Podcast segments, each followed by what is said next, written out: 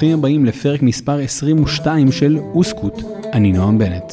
אני מרצה וחוקר עצמאי בתחום הקריקטורות במזרח התיכון, מופיע מעת לעת בערוצי טלוויזיה בנושא. במשך למעלה מעשור מלמד ועורך ספרי לימוד בתחום המזרח התיכון וחותם מדי יום את התיוג היום במזרח התיכון. אבל את זה כבר אתם אמורים לדעת, זו העונה השנייה הרי. בפרק זה אשוחח עם דוקטור נסיה שמן מאוניברסיטת בר אילן, ומחבר את הספר "הראש של חמאס", היהודים, הציונות ומדינת ישראל בהגות השייח' יוסף אל-קרדאווי. בפרק זה נדבר על אתגרי האסלאם בארצות המערב, ובתוך זה מושגי יסוד באסלאם, פסיקות הלכה, רעיון הלכות המיעוטים של השייח' קרדאווי, וכמובן נדבר אפילו על כניסת רע"מ לקואליציה ואיך כל זה מסתדר. ועוד דבר אחד, לא לשכוח לדרג את הפודקאסט הכי גבוה שאפשר, כדי שאנשים נוספים יוכלו להצטרף לקהילה הגדלה. יאללה, בואו נתחיל. שלום לכולם, נמצאת איתנו דוקטור נסיה שמר. דוקטור שמר היא מרצה במחלקה ללימודי המזרח התיכון באוניברסיטת בר אילן, מתמחה בשריעה, אסלאמית, הלכה אסלאמית, אסלאם פוליטי ויחסי יהודים ומוסלמים.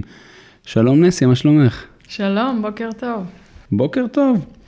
אני זכיתי גם ללמוד אצלך בתואר הראשון וגם בתואר השני, ואפילו היה לנו גם אה, שיתוף פעולה בהמשך. אה, ואני זכיתי ללמד אותך. או. אה, ואחד הדברים שאני זוכר, זה שהאסלאם, דבר ראשון, היא דת הלכה, כן? בדומה ליהדות, כלומר דת שבה יש לנו אה, אה, מותר ואסור ומה צריך לעשות בכל אה, שלב ושלב. כן.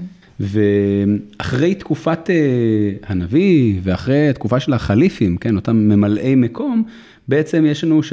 בעצם אנחנו רואים שהכוח הדתי עובר לאנשי הדת, לחכמי ההלכה, ואני כאן כן אדייק פה עכשיו, ושברוב השיחה אנחנו נדבר כרגע על האסלאם הסוני, האסלאם השיעי זה נושא בפני עצמו. כן, בהחלט.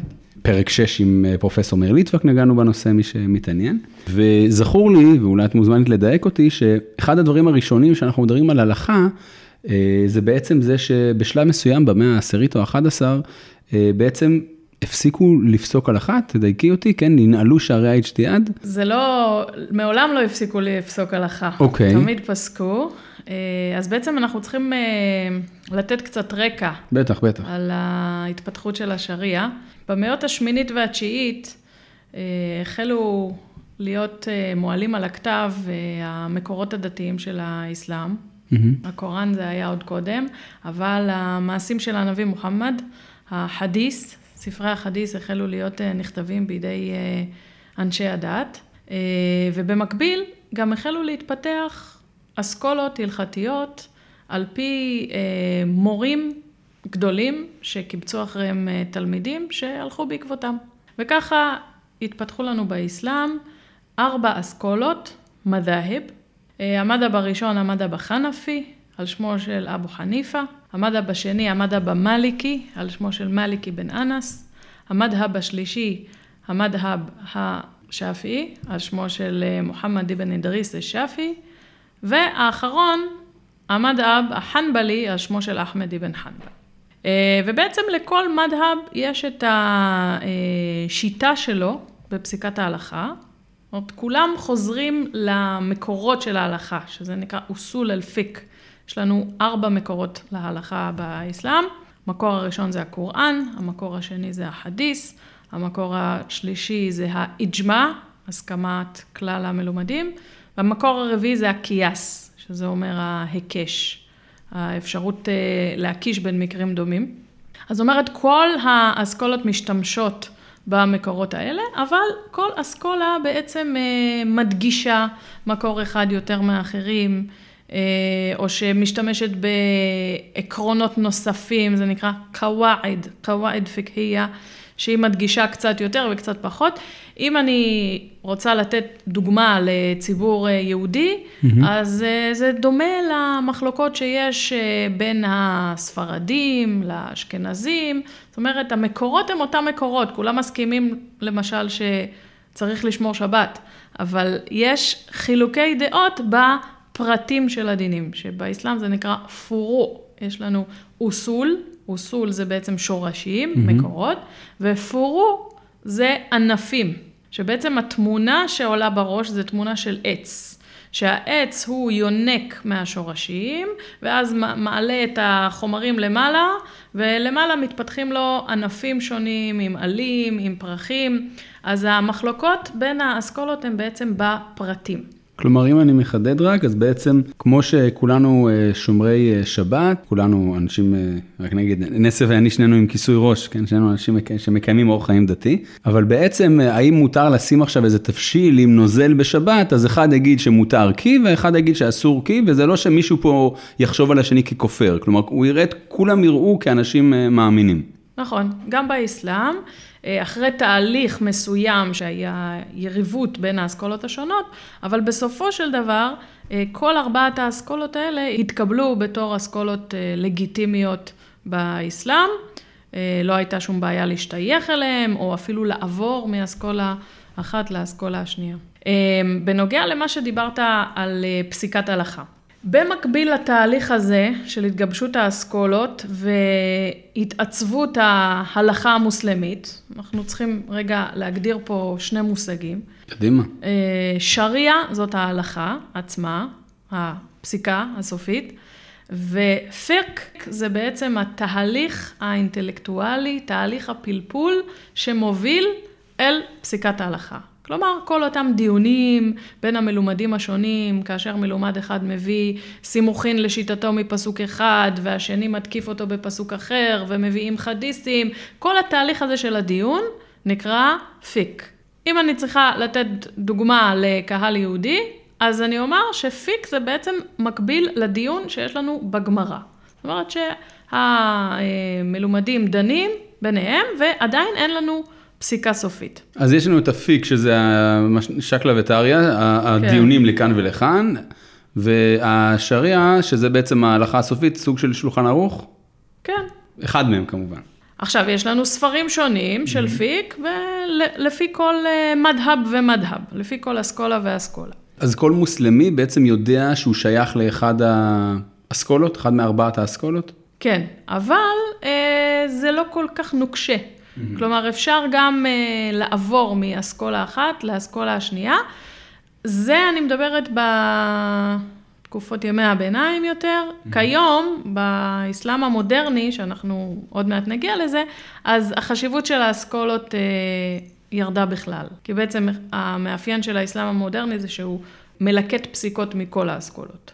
אבל רגע, רגע, לפני שאנחנו נגיע לשם, אז uh, שאלת לגבי עניין של פסיקות הלכה.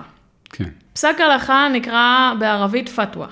פתווה זה בעצם חוות דעת הלכתית שנותן המופתי. המופתי זה אדם שרכש את הידע המתאים לכך בהלכה, אה, אבל הפסיקה הזאת היא לא מחייבת.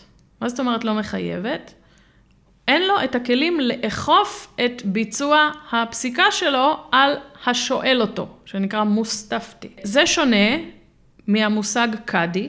קאדי זה בעצם שופט בבית הדין.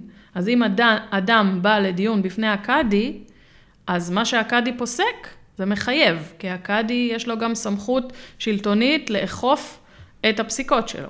עוד פעם, אם נעבור לציבור היהודי, זה כמו שאדם ילך לשאול רב, שייתן לו חוות דעת הלכתית, אבל אין שום גורם שמחייב את האדם הזה להישמע לפסיקה שהוא קיבל ולבצע אותה.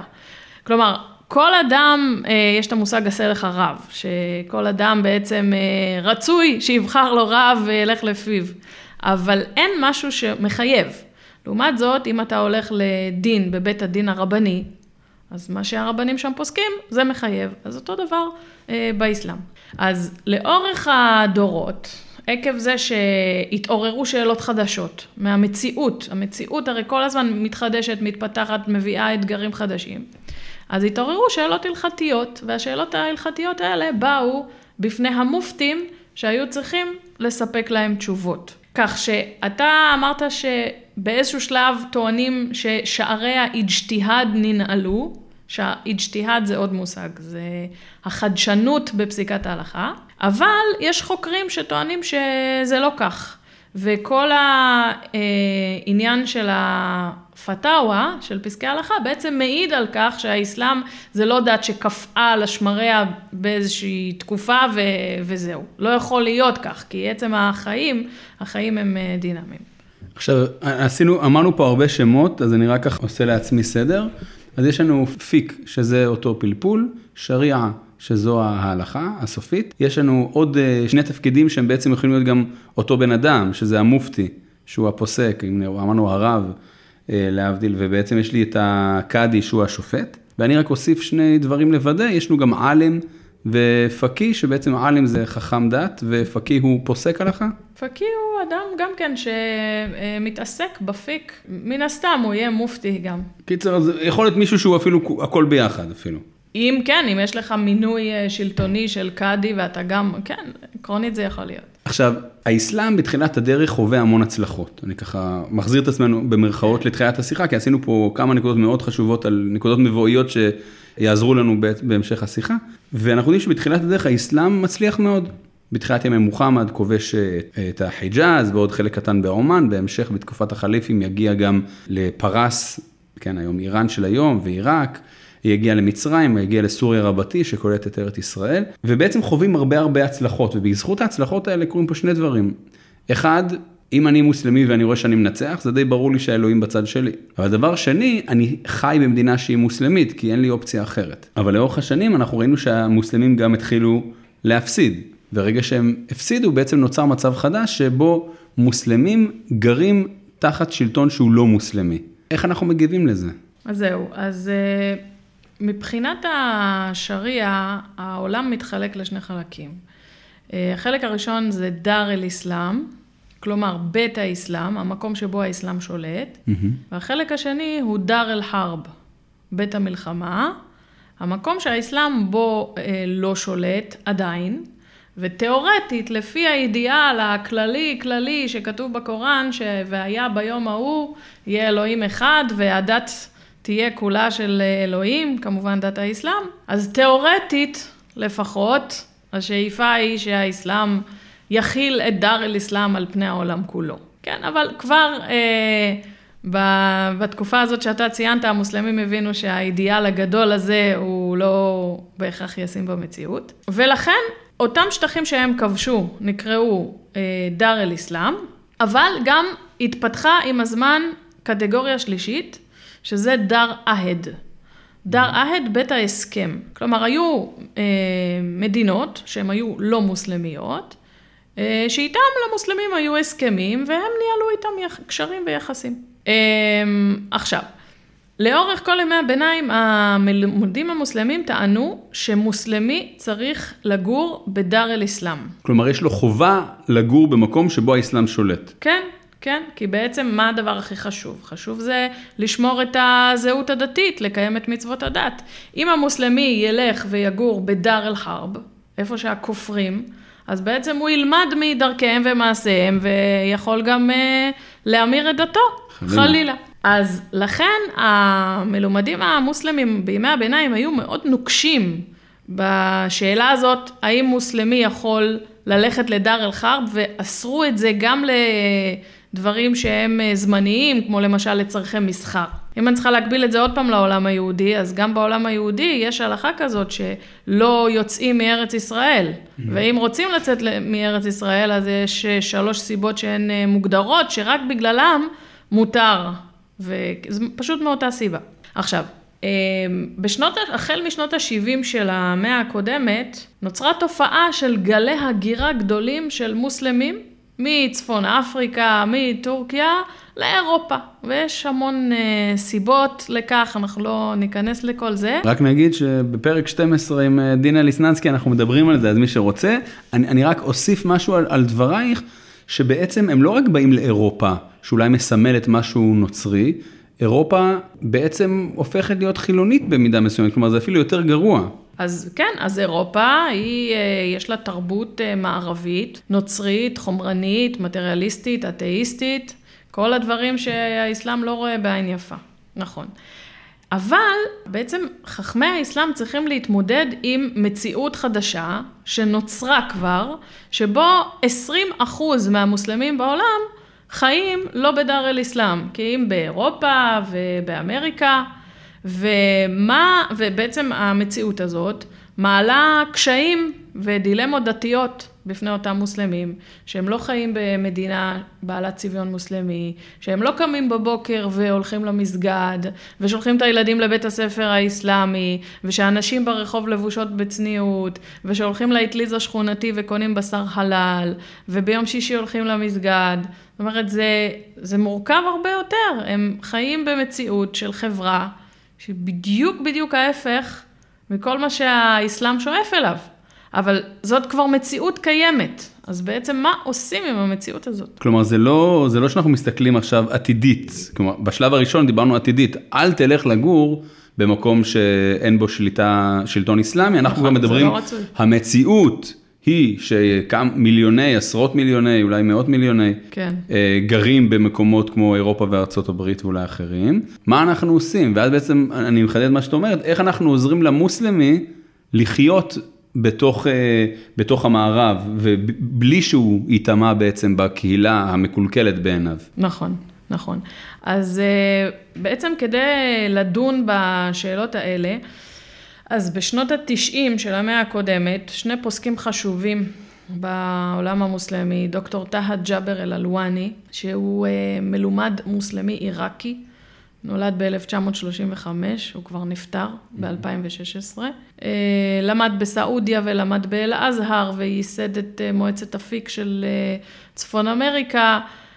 וכתב הרבה ספרים, יחד עם השייח' דוקטור יוסוף אל-קרדאווי, שהוא היותר מפורסם פה, שנולד ב-1926 במצרים, השתייך לאחים המוסלמים, ובעקבות ההשתייכות הזאת הוא גלה לקטר, שם הוא ייסד את המכללה ללימודי השריעה באוניברסיטת קטר, ומשם הוא פשוט עלה ופרח באמצעות כתיבת ספרים, למעלה מ-120 ספרים שתורגמו לכל השפות, באמצעות uh, תוכנית שבועית ברשת אל-ג'זירה, אל-שריעה ואל-חייאת, שהייתה תוכנית מאוד פופולרית, ובאמצעות כתיבת הרבה מאוד פסקי הלכה ושימוש מושכל מאוד במדיה, באינטרנט, בהרבה מאוד אתרים שקשורים אליו. וככה בעצם הוא הצליח להפוך את עצמו להיות מה שנקרא כיום The Global Mufti, הסמכות הדתית הכי מפורסמת ומוכרת כיום בעולם האסלאם הסוני. אז שני ההוגים האלה בעצם היו צריכים אה, לעשות איזשהו חישוב מסלול מחדש, בנוגע להגדרות של האסלאם. כי אם אמרנו שהמלומדים הימי ביניימים אמרו, אסור למוסלמי לגור בדאר אל-חרב, עכשיו יש לנו מציאות שהם מוסלמים שהם גרים שם כבר. אז מה אנחנו יכולים לעשות עם זה? אז קודם כל היה כאן שינוי הגדרה. מהמושגים דאר אל-אסלאם ודאר אל-חרב, נוצר מושג חדש שנקרא עלמיית אל-אסלאם. עולמיות האסלאם? עולמיות האסלאם, בדיוק. והמושג הזה גורס שהאסלאם מתאים לכל זמן ולכל מקום בעולם. כלומר שאין איסור על מוסלמי לשבת במקום של כופרים יותר, אלא אדרבה ואדרבה, למוסלמי שנמצא במקום של הכופרים, יש לו תפקיד. מה התפקיד שלו? להפיץ את האסלאם. לעשות דעווה, שדעווה זה בעצם הטפה, אה, קריאה להצטרפות לדעת, ותבשיר. תבשיר זה לבשר, לבשר לאנשים שרואים את המוסלמי, וכמובן להוות דוגמה אישית, למודל לחיקוי. כמו שאצלנו אומרים, יש אה, אמרה כזאת שאשרי התלמיד החכם, שכל מקום שרואים אותו ואת ההתנהגות היפה שלו, אז אומרים אשרי רבו שלימדו תורה. Mm-hmm. אז אותו דבר, המוסלמים באירופה, שכל מי שיראה את המוסלמי באירופה, איך הוא מתנהג יפה, איך הוא מכבד את ההורים, איך הוא עוזר לעניים, איך הוא... אז יגידו, וואו, מה זאת הדת הזאת, ואנחנו גם רוצים להשתייך אליה, אז זה בעצם התפקיד החדש שייעדו שני ההוגים האלה עבור המוסלמים במערב. ויש כאן גם אה, מימד פוליטי לחזון הזה, שבעצם אם אמרנו שהחזון הכללי כללי שהאסלאם השתלט על העולם, אז זה בעצם השתלטות, אבל לא במלחמה, אלא בדרכי שלום. אני, אני ככה מעכל את דברייך, אני, אני, אז בעצם יש לנו שיטה חדשה לחיות או שיטה חדשה להשתלט? כלומר, האם יוסף, אל, האם יוסף אל-קרדאווי מעניין אותו אה, בעצם להפוך את אירופה, לדוגמה, או את ארה"ב, למוסלמית, או שהוא אומר, אני רוצה שהמוסלמי יוכל לחיות במדינה שלו? גם וגם. בהחלט אה, הוא כתב על זה. אה, יש לו ספר שנקרא אל-מובשירת באינתיסאר אל-אסלאם, הסימנים המבשרים את ניצחונו של האסלאם, ושם הוא כותב בפירוש שהוא רוצה שהאסלאם יחזור לאירופה בפעם השלישית. מה עם השניים הראשונות, לטובת מי שלא מכיר? האסלאם, אה, המוסלמים אה, בתקופת חולפה אל-רשידון, ארבעת החליפים הראשונים, הגיעו עד לגבול צרפת, ובפעם השנייה היו החליפים העות'מאנים. Mm. שמגיעים עד וינה. נכון. אז זה אומר אל-קרדאווי, אנחנו נחזור ו... לאירופה בפעם השלישית, אבל הפעם זה לא יהיה באמצעות צבא של לוחמים, אלא זה יהיה באמצעות צבא של אה, מטיפים, באמצעות הלשון, באמצעות העט, באמצעות ההטפה, באמצעות ההשפעה. אז אני חוזר רגע לדמותו של יוסף אל-קרדאווי, שבעצם גדל במצרים. אה, ברח בשנות ה-60 מהגהנום של עבד אל-נאסר, הוא כתב באיזה מקום, ו, ובעצם חי את החיים, מה שנקרא, בקטאר. בפרק 9 דיברתי עם אה, דוקטור מרדכי קידר על רשת אל-ג'זירה, וכמובן שם, כמו שאת גם ציינת, אה, השייח' קרדאווי בעצם מככב, או כיכב, הוא פרש, גם משם? פרש, כן. גם משם. מה הפך אותו בעצם לכזה סופרסטאר? כאילו מה, זה, אני מנסה לחשוב עכשיו, זה מזכיר לי, אני, אני, אני מנסה רגע לדמות עכשיו את uh, השייח' קרדאווי מדבר בטלוויזיה, ואני חושב אולי על איזה דמות רבנית, להבדיל, דמות רבנית שיושב עכשיו בערוץ אחד, זה מה שעובר לי בראש ביום שישי, ואומר כמה הלכות על אה, פרשת לא, אה, זה. לא, לא, אני, אני יודע שלא. בגלל זה אני אומר, מה בעצם הופך אותו לסופרסטארס הזה? מה, מה הוא, על מה הוא מדבר? מה הוא עשה שם? אז בעצם השייח' יוסוף אל-קרדאווי נודע בעיקר בזכות הכתיבה הרבה שלו. הספר הראשון שלו נקרא אל-חלל ואל-חרם פיל איסלאם, האסור והמותר באסלאם, וזה הספר האסלאמי הכי נמכר אחרי הקוראן. וואו. זאת אומרת, בהחלט הישג. אה, ומאז הוא פשוט לא הפסיק. הוא כותב וכותב וכותב בלי הפסקה, והספרים שלו מתורגמים גם לכל השפות. הוא יודע להפיץ את עצמו בצורה בלתי רגילה. החוקרת בטינה גרף כתבה ספר עב כרס שמראה איך שייח' יוסוף אל-קרדאווי אה, הפיץ את עצמו בכל אה, מדיה אפשרית. אה, וזה בעצם מה שהקנה לו את הפרסום הגדול. גם אל-ג'זירה, התוכנית שלו, שריעה ואל-חייאת, למעלה מ-60 מיליון מוסלמים צפו בה מדי שבוע, זה קצת שונה מהרב בערוץ אחד. לא, ודאי, ודאי. אה, וככה הוא בעצם יצר לעצמו את התדמית של המרג'ה תקליד. זאת אומרת, הסמכות הדתית הגלובלית הזאת. הציעו לו להיות אה, מזכ"ל האחים המוסלמים, אבל הוא סירב. הוא לא רצה שיהיה לו, הוא מזוהה עם האחים המוסלמים עד שורשי שערותיו, אבל הוא לא רצה שיהיה לו מינוי רשמי מטעמם, כדי לא להיות מזוהה פוליטית עם איזושהי קבוצה, כדי ליצור לעצמו אה, תדמית אה, עולמית. כי אז גם ירדפו אותו ב- ב- בתקופה כזו או אחרת. בדיוק. לדעתי הוא אפילו קפץ לבקר במצרים. ב...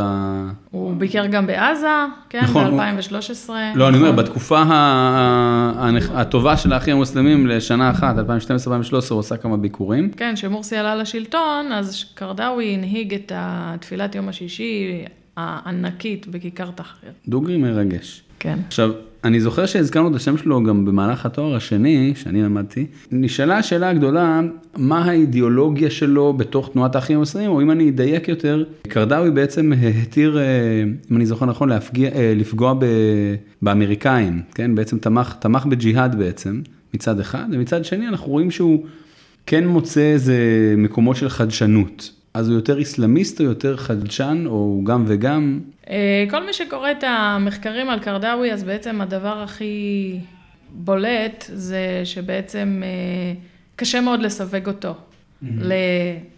להגדרה אחת. קרדאווי בעצם, הוא, הוא לא קרא לפגוע באמריקה, אלא להפך, יש לו פתוות שטוענות שאפילו מוסלמים שהם אה, אזרחי ארצות הברית ושהם הם לא צריכים להשת... להשתמט משירות בצבא האמריקאי, אפילו שזה יכול ליצור בעיה אם האמריקאים נלחמים במוסלמים. צריך להבחין בין הדמות שלו ביחס למוסלמים בעולם, מהמם. לבין הדמות שלו, למשל, ביחס לישראל. אוקיי. אה, שעל זה כתבתי אה, את ספרי. ביחס למוסלמים בעולם, הוא בעצם מאוד מאוד מתון, מאוד מקל. הדוקטרינה הזאת, שהוא מייסד עבור המוסלמים שחיים במערב, שנקראת פיק אל הקליית, ההלכות, פיק, עבור האקליית, עבור המיעוטים המוסלמים שחיים במערב, זוהי פסיקה הלכתית מאוד מאוד מקלה. זאת אומרת, המטרה היא להקל עד כמה שניתן על חייהם של המוסלמים, מתוך המחשבה שבעצם מה שאנחנו רוצים להשיג זה את השמירה על הזהות המוסלמית. שהמוסלמי עדיין יגדיר את עצמו כמוסלמי ולא יתבולל. אז אם פה ושם הוא לא יקיים מצווה כזו או אחרת, זה פחות נורא. כי בעצם מה שיותר חשוב זה שגם הדור הבא שלו והדור הבא יגדירו את עצמם עדיין כמוסלמים ולא ייטמעו כליל לתוך החברה המארחת. אז זה בעצם הדבר המרכזי שהיה בעיניו. לכן הוא השתמש בעקרונות מאוד מקלים בפסיקה, אחד העקרונות זה תייסיר, ההקלה, אה, כדי לפסוק לאותם מוסלמים. ואפשר לתת כמה דוגמאות אם תרצה. אני אשמח, אני רק מזכיר לעצמי, אני כמו במתמטיקה שאומר פה בלמעלה, דיברנו על אה, ספר שכתבת על יחס לישראל שהוא שונה, נחזור אליו עוד רגע, אז איזה דוגמאות באמת יש לפסיקה מק- מקלה? אה, למשל, אם יש זוג שהוא לא מוסלמי, והזוג הזה הולך למרכז האסלאמי במקום מגוריהם, ושומע הרצאות על האסלאם, אה, ורק האישה רוצה להתאסלם, והבעל לא. והם כבר, והם כבר נשואים. והם כבר נשואים. אז אה, לפי ההלכה המוסלמית הקלאסית, אסור לאישה מוסלמית להיות נשואה לגבר שהוא לא מוסלמי. הפוך מותר. כן. לגבר מוסלמי מותר לקחת גם נשים נוצריות ויהודיות, אבל את הצד השני לא, מכיוון שהאסלאם הוא צריך להיות עליון על הדתות האחרות, ואילו במשפחה מי שאחראי זה הגבר אחראי על האישה ולא להפך. לכן לאישה שהיא מוסלמית אסור להיות נשואה לגבר שהוא לא מוסלמי. אבל, אבל, אז מה קורה במקרה כזה שבעצם רק האישה רוצה להתאסלם ואילו בעלה לא? אם אנחנו נבוא ונאמר לאישה הזאת, את תצטרכי להתגרש מבעלך, ואולי יש להם גם ילדים משותפים, אז זה הופך את העניין למסובך הרבה יותר. אז האישה תאמר לעצמה, אוקיי, האסלאם זה טוב ונחמד, אבל זה קשה מדי. ואנחנו כמוסלמים נפסיד אותה בעצם. בדיוק, ונפסיד אותה. אז יש כאן פסיקה שהיא הפוכה לפסיקה המקובלת. בעצם קרדאווי התיר לאישה להמשיך להיות נשואה לבעלה, גם אם היא מוסלמית והוא לא, ואינשאללה היא עוד בעזרת אללה אותו. תשפיע עליו ותחזיר אותו. ו... זאת אומרת, להקל כדי להשיג את המטרה, שזה המטרה שדיברנו עליה, של הדאווה, של הפצת האסלאם במערב. אה, יש עוד הקלות, למשל, האם מותר למוסלמי להיקבר בבית קברות שהוא לא מוסלמי? עקרונית, לפי ההלכה הקלאסית, לא. אבל אה, במערב קורה לפעמים שאין בית קברות מוסלמי בכל מקום. אז כן, אז אם אין בית קברות מוסלמי, אז אה, התירו גם להיקבר בבית קברות נוצרי.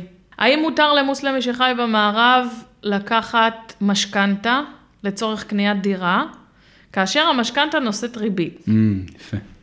אה, ריבית היא אסורה לפי האסלאם, ויש בעולם המוסלמי, יש בנקים אסלאמיים, שבאמצעות כל מיני היתרים הלכתיים, המציאו כל מיני אה, שיטות להתגבר על הנושא הזה של הריבית, או להגדיר את זה אחרת. אה, אבל במערב לא תמיד יש בנק אסלאמי. אז האם ניתן לבוא ולדרוש מאדם לגור כל חייו בשכירות, כאשר הוא למעשה זורק את הכסף מהחלון? לעולם הוא לא יהיה בעלים של הדירה. זה גם חושף אותו אה, לחוסר יציבות בחיים, חוסר יציבות כלכלית, חוסר יציבות נפשית, שהוא יודע שבכל רגע יכולים לזרוק אותו ואת המשפחה שלו אה, מהדירה. וגם זה מונע ממנו להגיע למעמד אה, יציב בחברה. כי זה לא דומה אדם שבאיזשהו שלב יהיה לו בחיים בית, לאדם שכל החיים חי כזה מהיד לפה בשכירות. עכשיו, מה הדמות של המוסלמי האידיאלי שאנחנו רוצים שיהיה במערב? דמות של אדם שהוא חזק ושהוא משפיע. אז איך אתה נהיה חזק ומשפיע אם אתה נמצא במעמד חברתי גבוה? אם אתה איזשהו נהג מונית מסכן שחי מהיד לפה וצריך לשלם שכירות וכל זה, על מי בדיוק תשפיע, אוקיי? אז אה, למרות שקניית דירה זה לא משהו שהוא פיקוח נפש, יש באסלאם מושג שנקרא דרורה. דרורה זה אומר, כמו שאצלנו, פיקוח נפש. מהמם. אז קניית דירה זה לא פיקוח נפש. אדם לא ימות אם הוא יחיה כל חייו בשכירות. איך זה בעצם יכול לבוא ולעקור איסור מפורש מהקוראן, כמו ריבית, שכתוב לנו בהרבה פסוקים. אז בעצם מה שכאן עשה אל-קרדאווי, זה לקח את העניין הזה של אה, קניית הדירה, שזה חאג'ה, חאג'ה בערבית זה צורך, זה צורך לאדם, כן, אחד הצרכים של האדם זה מקום מגורים, ובעצם העלה אותה למדרגה של הדרורה, mm-hmm. למדרגה של הדבר הכי עליון כמו פיקוח נפש, ובעצם אמר, אוקיי, אז אם זה עכשיו דרורה, אז זה יכול לבטל את האיסור של הריבית, ויהיה מותר אה, למוסלמי לקחת הלוואה עם ריבית לצורך קניית דירה במערב. אבל, אבל לא לצורכי מסחר, כלומר, לא להפוך להיות עכשיו סוחר נדל"ן. אז, אז אין מוסלמים, או אנחנו לא מכירים הרבה לפחות אה, סוחרי נדל"ן אה, דתיים מוסלמים? לכאורה, לפי... לפי פסק ההלכה זה אסור. כן. מה שקורה במציאות זה שאלה אחרת. אז, אז בעצם אני מבין, אנחנו עוד, אני מסמן לעצמי עדיין לזכור את הנושא של ישראל והכל מהצד, ה, מהצד שהזכרת, אבל בעצם לדרך שלו, אחד השמות גם זה נקרא אה, ווסטיה, שזה בעצם הזרם שהוא טוען שהוא הזרם המרכזי, והוא בעצם אמור להיות, אם מצד אחד יש לנו את הצדדים היותר, אה, לא יודע אם להגיד שמרנים קיצוניים של סלפיה, של אולי כן. אנחנו נכיר את זה כמו אה, דאעש או אל-קאעידה וכאלה, את מוזמנת לחדד אותי עוד רגע.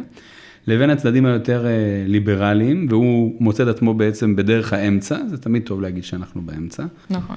אה, מפלגות מרכז תמיד היה להם אה, תקופות של לבלובים. ובעצם הוא גם הולך לכיוון הזה של מה שנקרא ביהדות גם בכוח דהיתר העדיף, אבל הוא עושה את זה במקומות שבהם אנחנו מדברים על הלכות המוסלמים. כן, נכון. ו- וזה בעצם מביא אותנו לשאלה איך הוא מתייחס לישראל. אני אומר, אנחנו קצת קופצים, אני אומר לעצמי תוך כדי, אנחנו קצת קופצים בין הרעיון הגדול הזה של הלכות המו- ה- המיעוטים לבין דמותו של קרדאווי, שהוא לפעמים, בעיניי לפחות, קצת גדול מה, מהנושא הזה, אז זה קופצים בין שני הנושאים. מה היחס שלו לישראל, ובעצם איפה היחס ההלכתי שלו משתנה, כמו שאת ציינת, ואמרת שכתבת על זה ספר, שכאילו בעצם איפה הוא עובר מכוח דהיתר העדיף, שלכאורה עד עכשיו אה, נתנו דוגמאות מאוד אה, מעניינות, לבין היחס פה של ישראל. כן, אז ישנה מדינה אחת, כותב קרדאווי, בעולם, שמוגדרת כדר אל-חרב בימינו, והיא ישראל. בעצם כל שאר העולם מוגדר כיום כדר עהד, כבית ההסכם. ולמה? מכיוון שכל מדינות העולם חברות באו"ם, משתפות פעולה ביניהם תחת מסגרת אה, האו"ם, ולכן הם כבר לא דר חרב, הם דר עהד. אפילו ספרד, שספרד גם כן הייתה כבושה בידי המוסלמים, ותיאורטית צריך לשחרר אותה, אם היא אה, הייתה פעם דר אל-אסלאם, אבל כולם היום חברים באו"ם. אבל חוץ מישראל, אבל עכשיו אתה תבוא ותגיד, אבל רגע, גם ישראל חברה באו"ם. בהחלט. וישראל אה, הוקמה אה, בעקבות הצבעת האו"ם, זאת אומרת מדינה לגיטימית אה, לחלוטין. אבל זה לא כך בעיני קרדאווי, כי קרדאווי הוא בעצם אה, תומך גדול של המאבק הפלסטיני. בעיניו בעצם ישראל זאת מדינה שקמה בעושק ובגזל ובניצול ובהגליה ובהרג של הפלסטינים. אה, ולכן כל עוד הסכסוך הישראלי-פלסטיני אה, קיים, לא ניתן להכיר בישראל כדר עהד, ולכן ישראל מוגדרת כדר אל-חרב. אז בעצם יש מדינה אחת שמוגדרת כדר אל-חרב, או יש מדינה אחת שהוקמה בעושק. כן, כלומר, שזה מעניין, כי בעצם יש עוד מדינות ש... טוב, ד- עכשיו אני קופץ לעצמי בראש למשהו אחר, כאילו אמר לי, עובר לי בראש שהאויב הגדול של אה, קרדאווי בצעירותו, גמל עבד אל-נאצר, הוא שרצה לאחד בין מדינות ערב, לעומת המדינות שבעצם אה, פוצלו, והוא דווקא יגיד שיש מדינות שהן לא לגיטימיות אחרות, כמו, אני יודע מה, אולי סוריה או ירדן וכאלה, שהומצאו על ידי המערב, אבל אה, קרדאווי בעצם יבוא ויגיד, אה, אה, מדינת ישראל היא מדינה לא לגיטימית. איך זה בא לידי ביטוי? ההסתכלות הזאת? זה בא לידי ביטוי בזה שאם ישראל היא דאר אל-חרב, אז חובת הג'יהאד של המוסלמים כלפיה היא אה, חיה וקיימת. כלומר, לפי ההשקפה הזאת של קרדאווי, המוסלמים צריכים לעשות כל שביכולתם כדי לשחרר את האדמה הכבושה. ולכן קרדאווי הוא תומך גדול של אה, חמאס. עכשיו, אני זוכר ש, שראיתי בזמנו אה, שיחה שלך, ודיברת על זה שמאז 2004, מרץ 2004, חוסל השייח' אחמד יאסין, בעצם חמאס רואה בקרדאווי סוג של מורה רוחני, הן אם באופן רשמי או באופן מעשי. והוא מבקר, כמו שאמרת, ברצועת עזה. אז בהחלט, קרדאווי נחשב למורה הרוחני של תנועת החמאס, הוא ביקר ברצועת עזה. זכה לכבוד מלכים, נערך כנס גדול מאוד לכבודו, יצא ספר של למעלה מאלף עמודים, שאיסמעיל הנייה היה אחד מהאורחים של הספר הזה, שבו נכתב, נכתבו כל המאמצים של השייח' אל-קרדאווי למען הפלסטינים. בהחלט קרדאווי הוא סמל ודמות בעיני חמאס, והוא פוסק עבורם הלכות שמתאימות. למצב, והם בתגובה מאמצים את הפסיקות שלו בתור המורה הרוחני שלהם. אז בתוך האסלאם, אני כזה מנסה, אני, אני יודע שיש מקומות נגיד באירופה שפחות אוהבים את קרדאווי, אם יהיה זמן אולי נזרוק על זה מילה, אבל איך הוא נתפס באסלאם, ב, אני, אני אנסה לחדד את זה מחדש. אנחנו, אני מבין שהוא, אם אני אומר ככה, להבדיל בהקשר היהודי, הוא מעין סוג של הרב עובדיה, סוג של, גם אגדה של כוח, אה, כוח דיאטרה וגם בקטע של כריזמה ובקטע של השפעה כל כך אה, גדולה. מי המתנגדים שלו בתוך האסלאם הסוני? האם זה רק פוליטי או שיש בו גם מתנגדים באופן דתי? הסעודים בהחלט לא אוהבים אותו. אוקיי. Okay. הסעודים לא אוהדים של האחים המוסלמים, וקרדאווי מזוהה אחים מוסלמים. מה הבעיה שלהם בעצם עם קרדאווי או עם האחים המוסלמים? טוב, זה עכשיו... זה, זה שיחה אחרת, זה, את אומרת. כן, זה בהחלט. סעודים מזוהים עם ארצות הברית וכולי, mm. אחים מוסלמים לא, ובקיצור, אבל זה באמת... אה, שיחה אחרת, הכל בסדר. אז ב... לקרדאווי למשל היה גם פולמוס גדול עם המופתי הסעודי אה, המנוח אה, אבן בז, בנוגע לעניין הזה של פלסטין. אבן בז טען שמותר לעשות הסכם שלום עם ישראל, הודנה, כמובן הודנה, וקרדאווי תקף אותו בחריפות ואמר ש... אה, לא ייתכן שאנחנו נבוא ונדון עם הגנב שפלש אלינו הביתה וגנב לנו את התכשיטים, עכשיו הוא יבוא וינהל איתנו משא ומתן על התכשיטים שהם שלנו. זאת אומרת, אלא צריך פשוט לגרש את אה, ישראל, לגרום לה להפסיק להתקיים. אה, אז זאת הגישה המוצהרת שלו. יחד עם זאת, ב-2002 הייתה את היוזמה הסעודית היוזמה הסעודית לנרמול יחסים עם ישראל, שבעצם הם באו ואמרו שאם הבעיה הפלסטינית תיפתר, אם תקום מדינה פלסטינית עצמאית בגבולות 67, אם הפליטים אה, יחזרו, אם ירושלים המזרחית תהיה בירת פלסטין, אז הם וכל שאר 22 מדינות ערב מוכנים להכיר בישראל. זה מה שנקרא יוזמת השלום הסעודית. וב-2006 היה כנס באלג'יר, אה, שבו אשררו מחדש את היוזמה הזאת, ואז מכיוון שבעצם העולם המוסלמי נטה לכיוון הזה, אז גם קרדאווי הסכים שבמידה ואכן תקום מדינה פלסטינית עם שמיים פתוחים ועם צבא ועם גבולות ועם כל, כמו שמדינה צריכה להיות, אז גם הוא מוכן לחשוב אולי להכיר בישראל. אבל זו באמת הייתה אחת ההתבטאויות החריגות ביותר שלו עקב הסיטואציה הזאת. אבל כן אפשר לראות שהוא כן קשוב למה שקורה, כלומר זה לא שהוא באמת יושב בבית המדרש במרכאות ונמצא בעולם שלו, אנחנו רואים את זה לא רק בעניין של ההיתרים שראינו בהלכות המיעוטים, אלא גם בקטע הפוליטי, הוא, הוא, הוא מרגיש את הדופק של, כן. של, של הדברים שקורים. עכשיו הוא עצמו פרש, נכון. לדעתי ב-2018, משהו כזה? כן, ב-2018 הוא פרש עקב גילו המתקדם, הוא בן 96 כיום. אה, הוא בעצם היה הנשיא של אה, איתיחד עולמה אל-מוסלמין, זה בעצם הארגון הבינלאומי של חכמי הדת המוסלמים, זה ארגון שהוא ייסד והיה הנשיא שלו. הארגון הזה אה, מאגד תחתיו כ-90 אלף חכמי דת, ארגון מאוד גדול. הוא גם היה הנשיא של מג'ליס אל-איפתא ואל-בחות, המועצה לפתוות ולמחקרים, שבעצם היא פסקה הלכות עבור המוסלמים באירופה. אז הוא פרש מהתפקידים שלו עקב גילו המתקדם. לאחרונה הוא גם חלה בקורונה. זאת אומרת, הוא באמת מבוגר, בן 96, ומי שמילא את מקומו אה, זה השייח' אה, המרוקאי אה, אחמד אל-רייסוני, שמשמש כיום הנשיא של איחוד חכמי הדת. עכשיו, הוא עצמו קצת כן שינה את הדעה, שינה פסקים של קרדאווי. רייסוני? כן. כן. נכון, בהחלט, אני פרסמתי על זה מאמר לפני כמה חודשים. קרדאווי, שנודע בהתנגדותו החריפה לישראל, הוא אה, פסק שאסור למוסלמים מרחבי העולם לבוא ולבקר באל-אקצא, שזה על פניו יכול להיראות מאוד אה, תמוה, הכיצד הוא ימנע ממוסלמים להתפלל במסגד השלישי בקדושתו לאסלאם, אחרי מכה ומדינה.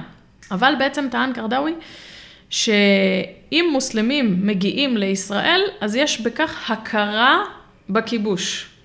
מה שנקרא בערבית תטביע, נורמליזציה. כן. המוסלמי נוחת בשדה התעופה, שלטונות הכיבוש מחתימים את הדרכון שלו והוא בעצם מכיר בשלטון הכיבוש במקום, וזה אסור. פסיקה שנייה שלו הייתה אה, לגבי המוסלמים שחיים פה ב, בארץ, שיש כאן בעיה, מכיוון שהם מיעוט מוסלמי שחי במדינה לא מוסלמית, בדיוק כמו המיעוטים המוסלמים במערב, אבל קרדאווי נמנע מלפסוק עבורם את הפסיקות שהוא פסק בפיקל הקליאט למוסלמים באירופה. מדוע? כי אם הוא היה פוסק עבור המיעוט המוסלמי החי בישראל, משמע שהוא, שהוא מכיר בישראל. בישראל. יפה. עכשיו, מצד שני, המוסלמים שחיים כאן אומרים, מה איתנו? מה אנחנו אמורים לעשות מול הדילמות שמתעוררות לנו אם גדול הדור מסרב לפסוק לנו? אז זה אבל, זה השאלה הבאה. אבל אה, אם רק נחזור לעניין הזה של רייסוני, אז אה, רייסוני בעצם פסק הפוך מהפתווה של קרדאווי, ש, שאמר שאסור למוסלמים להשתתף כאן בבחירות לכנסת mm-hmm. הציונית. אמ, ועכשיו אל-רייסוני שינה את זה ואמר שהמוסלמים דווקא כן צריכים לבוא ולבחור ולהשתתף בבחירות, כי בעצם אם הם לא יעשו את זה, אז אף אחד לא יעשה את זה בשבילם ואף אחד לא ידאג להם.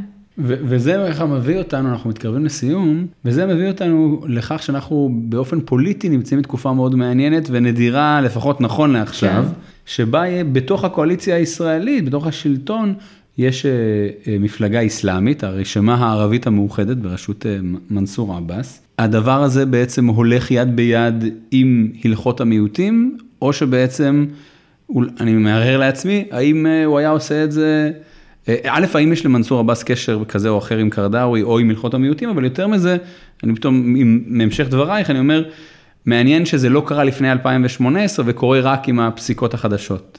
או בכלל, מה...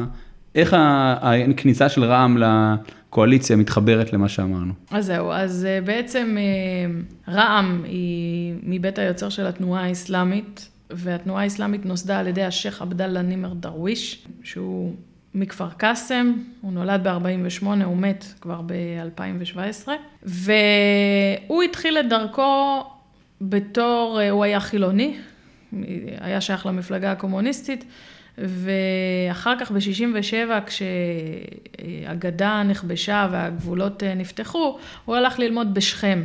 ושם הוא נחשף לסגנון האסלאם החתרני מבית מדרש האחים המוסלמים, כל הכתבים של אה, חסן אל-בנה וסייד קוטוב. ואז הוא חזר אה, לפה, לכפר קאסם, וייסד את התנועה האסלאמית כדי לחזק את הזהות של אה, המוסלמים בישראל, שבעצם אחרי 48 נשארו בלי השכבה המנהיגה שלהם, בלי חכמי דעת, בלי מנהיגים, כי כולם ברחו. אז הוא בעצם רצה לחזק את הזהות האסלאמית. ואז ב-79, בעקבות המהפכה באיראן, שנתנה השראה רבה לאסלאמיסטים ברחבי העולם, הוא ייסד גם ארגון טרור, שנקרא אוסרת אל-ג'יהאד. הארגון הזה היה אחראי למספר פיגועים קטנים נגד ישראל. ובסופו של דבר השייח' דרוויש הוא שם בכלא עם הפעילים שלו, הוא ישב שם בכלא שלוש וחצי שנים, ואז הוא השתחרר וחל מהפך בתפיסה שלו. הוא בעצם הבין שהוא רתם את העגלה לפני הסוסים. והוא לא, הוא, בכוחותיו הקטנים והמצומצמים, לא יכול לבוא ולנהל ג'יהאד כנגד מדינת ישראל. אז הוא בעצם חייב להיות בבחינת אנוס, כי המוסלמים פה הם לא אה, מוסלמים מהגרים, כמו במערב. הם לא אורחים, הם לא באו למערב. המערב בא אליהם, בדיוק. בדיוק. הם ישבו פה על אדמתם, וזה אדמתם, והקשר חזק מאוד פה למקום. זה מה שנקרא מיעוט ילידי, בשונה ממיעוט מהגר. זאת אומרת, הם פה, הם לא ילכו לשום מקום. ויש את ישראל שהיא עצומה וחזקה ואי אפשר להילחם בה. ואז מה שצריך לעשות בעצם, זה צריך לדאוג עד כמה שניתן לרווחת המוסלמים שחיים פה בארץ. תוך השתלבות במשרד הקיים, כי זה מה שיש. זה בעצם עיקרון בשריעה שנקרא פק אל-וואקה. פק זה הלכה, אל-וואקה זה המציאות. בעצם ההלכה שנפסקת על פי המציאות. וישראל זאת המציאות, אין מה לעשות, בין שאנחנו אוהבים את זה או בין שלא אוהבים את זה, אנחנו לא מזדהים איתה, אבל זה מה שיש ואנחנו בדיעבד מקבלים אותה. זה בעצם ההשקפה של הפלג הדרומי של התנועה האסלאמית בישראל. ואז שייח' דרוויש התחיל אה, לשלב את התנועה האסלאמית בבחירות לרשויות המקומיות, והם זכו שם להצלחה, ואז בשנות התשעים הוא החליט לעבור לשלב הבא, שזה אומר בחירות לכנסת. ועל רקע הזה ב-96 היה הקרע בתנועה האסלאמית, שאנחנו יודעים אותו כיום, בין הפלג הצפוני בראשותו של ראיד סלאח, שהתנגד מאוד למהלך הזה, לבין הפלג הדרומי בראשותו של דרוויש, שטען שאפילו שזאת הכנסת הציונית, חייבים להשתלב שם, כי אחרת המוסלמים פה פשוט יהיו מופקרים. ושני הצדדים שאלו גם את השייח' יוסוף אל-קרדאווי, שבהתחלה התיר, אחר כך חזר בו ולא הסכים למהלך הזה, אז שייח' דרוויש הלך לאיזשהו פוסק כווייתי בשם אה, קטן, שהוא נתן לו את הפסיקה שהתירה לו, ועם זה הוא הלך. אז בעצם המהלך הזה, אני ככה חוזר לפוליטיקה היומיומית שלנו, בעצם קיבלה אה, אה, היתר קצר של קרדאווי והיתר שבוטל, אבל כן השיגו היתר אחר. אני אומר, על פי מה שמנסור עבאס הולך, הרי הוא רואה את עצמו כאדם דתי, זה לא שהוא... כן. עכשיו כפר אה, והכל. והוא, טוב, זה קצת פוליטיקה, אבל הוא בעצם, בעיניו נכנס בעצם, אה, בגלל שהוא אומר, אני אדאג למוסלמים, לא מש, מה שנקרא, לא משנה מה הדרך. אז מנסור עבאס בעצם לקח את ההשקפה של דרוויש צעד אחד קדימה, mm-hmm. כי בדרך כלל המפלגות הערביות היו תמיד באופוזיציה. Mm-hmm. מנסור עבאס, הייתה לו הזדמנות פז, והוא אפילו הסכים לחבור לממשלה שהיא ממשלה ציונית, כדי לדאוג לאינטרסים של המוסלמים בארץ. זאת אומרת, הוא בעצם מצדיק את זה בכך, שהוא דואג כאן למוסלמים. טוב, אז אני קיבלתי את מה שרציתי, אבל קיבלתי המון המון סקרנות על נושאים אה, נוספים. אז אני כבר אה, אומר שאני, מה שנקרא, רושם לעצמי שאני רוצה שנשב שוב. בשמחה. וניפגש. אז אה, דוקטור נסה שם, מומחית אה, להלכה אסלאמית וליחסי אה, יהודים ואסלאם ולאסלאם פוליטי, תודה רבה. בבקשה, להתראות. להתראות. האזנתם לפרק מספר 22 באוסקוט, ההסכת פודקאסט של נועם בנט. כמובן שאם הגעתם עד לפה אני אשמח לשאלות, תגובות, חידודים, הערות על הפרק שהאזנתם. לא לשכוח לדרג את הפרק כדי שאנשים נוספים יוכלו להצטרף לקהילה הגדלה. הקטע המוזיקלי, לחן והפקה מוזיקלית, רמי זכאים, קלידים ראובן סגל, נגינה על עוד, רמי זכאים. שיהיה לכם אחלה של יום.